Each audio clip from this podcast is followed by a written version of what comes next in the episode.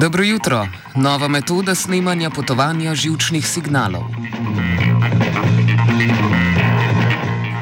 V današnjem znanstvenem Britofu smo navdušeni nad novo metodo snemanja potovanja žilčnih signalov, objavljeno v reviji Cell. S to metodo lahko spremljamo potovanje signala skozi posamezno žilčno celico.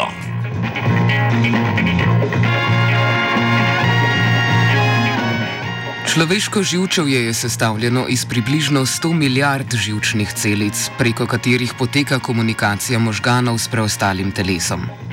Ta komunikacija poteka tako, da z periferije pritekajo v možgane signali, ki nosijo informacije o dogajanju znotraj ali zunaj telesa. V možganih na to pride do obdelave teh dražljajev in priprave odgovora na nje. Pot dražljaja si najlažje predstavljamo, če pomislimo na čebeli pik. Bolečinski dražljaj potuje od točke uboda skozi živce po hrbtenjači v možgane, nanj pa se odzovemo s hitrim umikom od vira bolečine.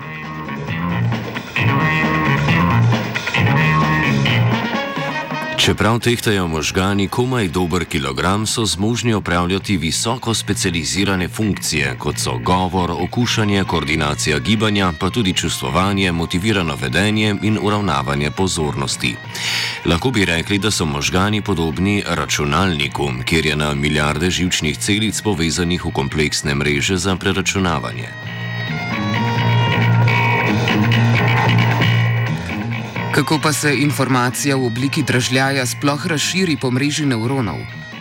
Med zunanjostjo in notranjostjo žilčne celice obstaja razlika v napetosti, ki je ob dražljaju porušena.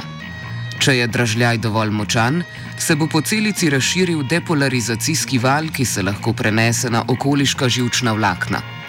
Opazovanje poti, ki jo ubere takšen signal, je bilo zaradi tehničnih omejitev do sedaj zelo težavno.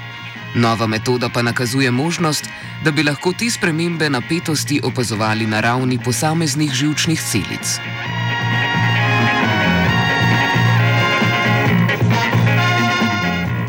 Mednarodna raziskovalna ekipa je s tem namenom v mišje žilčne celice ustavila gen za protein ASAP-3.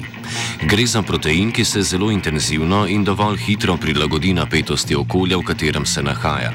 ASAP-3 deluje kot merilna naprava, ki nam pove, kolikšna je napetost na membrani, kjer je usidran. Če nam svetimo z infrardečo svetlobo, se odzove z intenziteto svetlobe, ki je sorazmerna z napetostjo na membrani. Iz te napetosti lahko potem sklepamo, kakšno je dogajanje v okolici proteina.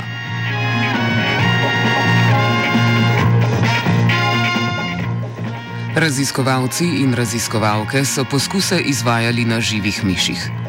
Zaradi tega so razvili metodo vzburjanja žilčnih celic in zaznavanja odzivov teh celic, ki lahko meritve osmisli tudi takrat, kadar se žival premika. Pravzaprav so spremljali napetost na membranah žilčnih celic miši med aktivnostmi, kot je tek na vadbenem kolesu.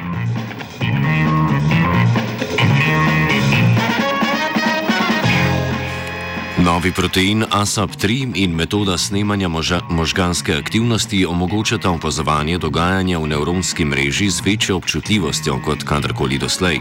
Raziskovalkam in raziskovalcem je uspelo opazovati dogajanje v globokih plasteh možganske skorje za več celic hkrati. Ob tem so pokazali tudi, da lahko iz pridobljenih napetosti razločujejo med posameznimi trenutnimi spremembami na membrani in da lahko meritve opravljajo tudi po več dni naenkrat.